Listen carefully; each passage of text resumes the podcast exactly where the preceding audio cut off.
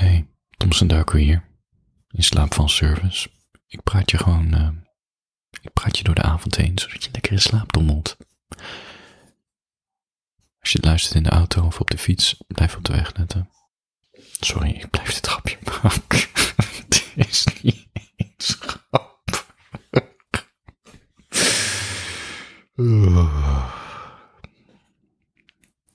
Ik moet iets. Ik zit hier maar alleen op mijn zonnekamertje. Beetje te praten tegen jou. Dan moet ik jou maar vervelen. Voor je gaat slapen. Ik lees voor het slapen gaan uh, de autobiografische reeks van Karl Ove Knausgaard, Noorse schrijver. Hele bijzondere reeks. Um, ik ben nu zelf bij zijn vijfde boek. Elk boek wordt ook steeds dikker. Zijn eerste boek gaat over zijn relatie met zijn vader. Het tweede boek um, over hoe hij zijn vrouw heeft ontmoet. Derde boek over zijn jeugd. Dus echt uh, van kind aan tot 12, 13 jaar. Dus dan zie je, kom je erachter wat voor maffe vader die heeft. Koud, kiel, die doet het nooit goed. En Karl is zelf heel gevoelig, dus die, die huilde echt, uh, ja, om het minste geringste zat hij weer te janken. Waar die vader dus helemaal niet tegen kon. Dat het derde boek trouwens. Um, vierde boek. Het gaat over uh, een gegeven moment na zijn puberteit, als hij 17 is, heeft hij een jaar lang een, een, een bijbaantje als leraar van een middelbare school ergens in het, hoge noorden van Noorwegen. Blijkbaar hebben ze daar zoveel mensen tekort. We hebben nu over de jaren 80. Dat ze dus uh, zelfs, ja, net gediplomeerde middelbare scholieren aan, aannemen als leraar. Wordt hij verliefd, uiteraard hij is pas 17, maar wordt hij verliefd op een 13 of 14-jarig meisje. Het gaat over. En zijn vijfde boek, die ben ik nu aan het lezen. Na, na dat baantje gaat hij uh, een print op een schrijversvakschool. Dus probeert hij, uh, krijgt hij schrijfles en daar bakt er helemaal niks van. Wat ook wel weer grappig is, eigenlijk. Ja. Voor je gaat slapen. Terugkerend thema in al zijn boeken over zichzelf is zijn schaamte. Hij schaamt zich heel snel, Carl. Dat is best, ik, ik denk, weet je, als je het een beetje, is psychologie van de koude grond, maar als je natuurlijk zo altijd gekleineerd wordt door je vader en altijd in het hemd wordt gezet en verbaal uh, zo wordt aangepakt, ja, dan heb je natuurlijk het idee dat je nooit iets goed doet en dat het altijd dat je altijd veroordeeld wordt.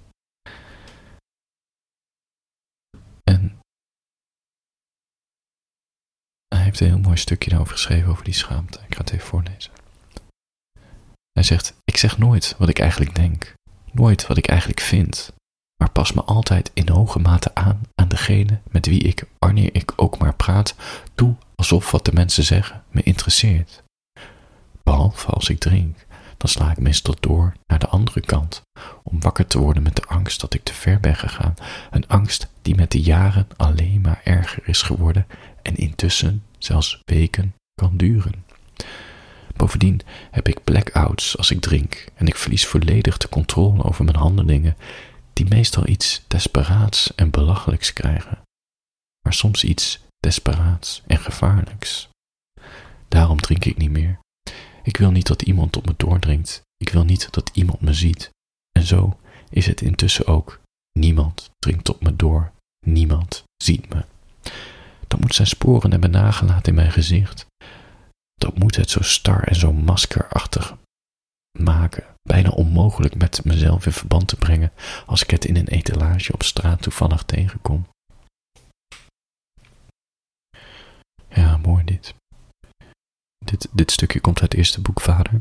En in al die boeken die volgen zie je wel hoe hij met alcohol omging. Het is heel pijnlijk wel om te lezen, want hij, hij kent geen... Uh, hij kent geen stop als hij begint met drinken. En wat hij omschrijft, hij krijgt blackouts en ook iets zelfdestructiefs. Je van dingen slopen tot, tot zelfs een glas in het gezicht van zijn broer gooien. Gewoon omdat ze een ruzie kregen terwijl hij dronken was. Ook gekke fratsen van iemand die in het water viel en dan daarna niet meer herinneren of, dat nou, of er nou een zwerver was dat. Of die zwerver nou echt in het water is gevallen en of die er wel uit is gekomen. En ja, dat hij wekenlang twijfelt van is er nou iemand doodgegaan of niet. En ja, ik was zo dronken, ik weet het allemaal niet meer. Dat soort gekke dingen.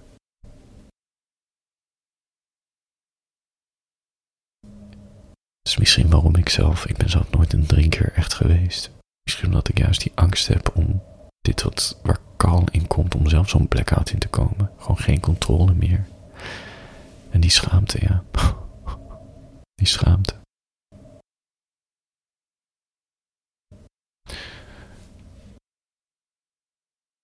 Voor je gaat slapen, wou ik nog even een stukje lezen die ik uh, heb geschreven. Volgens mij recentelijk nog. Ik denk nog begin dit jaar, 2022. De wekker herinnert me er elke dag aan dat ik eerder naar bed had moeten gaan. Zwijgend, wachtend met elkaar tot de deuren opengaan, om ons met z'n allen in zo'n veel te kleine ruimte te proppen, elkaars oogcontact te negeren en af en toe te spieken of het juiste nummertje nog steeds brandt. Mijn stop roepen en me langs al die warme lichamen wurmen. Mijn plekje veroveren, toetsenbord rechtzetten, de slaap uit mijn ogen wrijven, mijn oren spitsen of iemand automaat koffie gaat halen en er één voor mij mee wil brengen. Zwart, met een klein beetje suiker graag.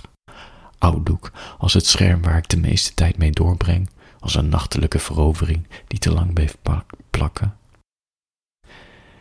Elk mailtje voelt, elk mailtje dat binnenkomt voelt als niet nu, stop met, met tegen mij praten, negeer me.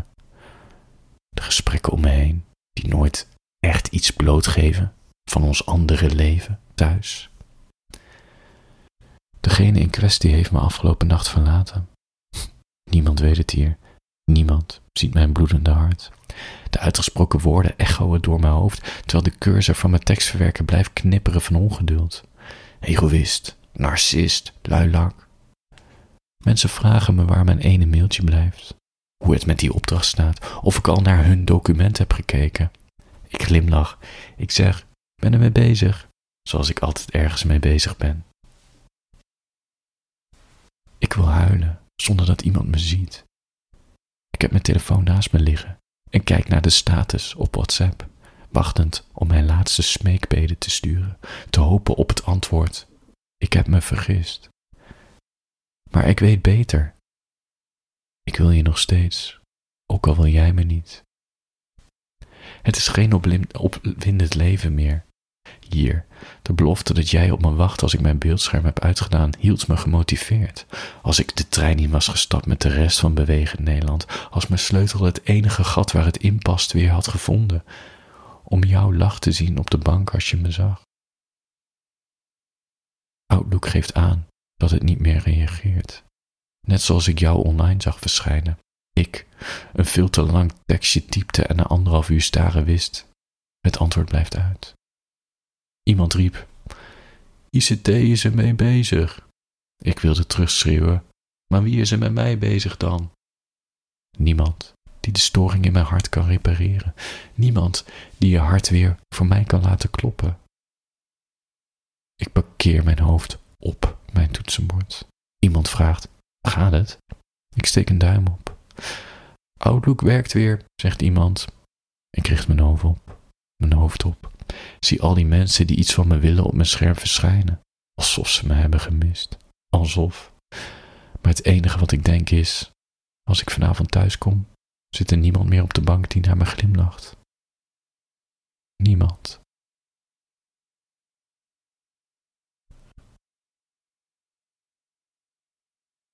Voor je in slaap dommelt.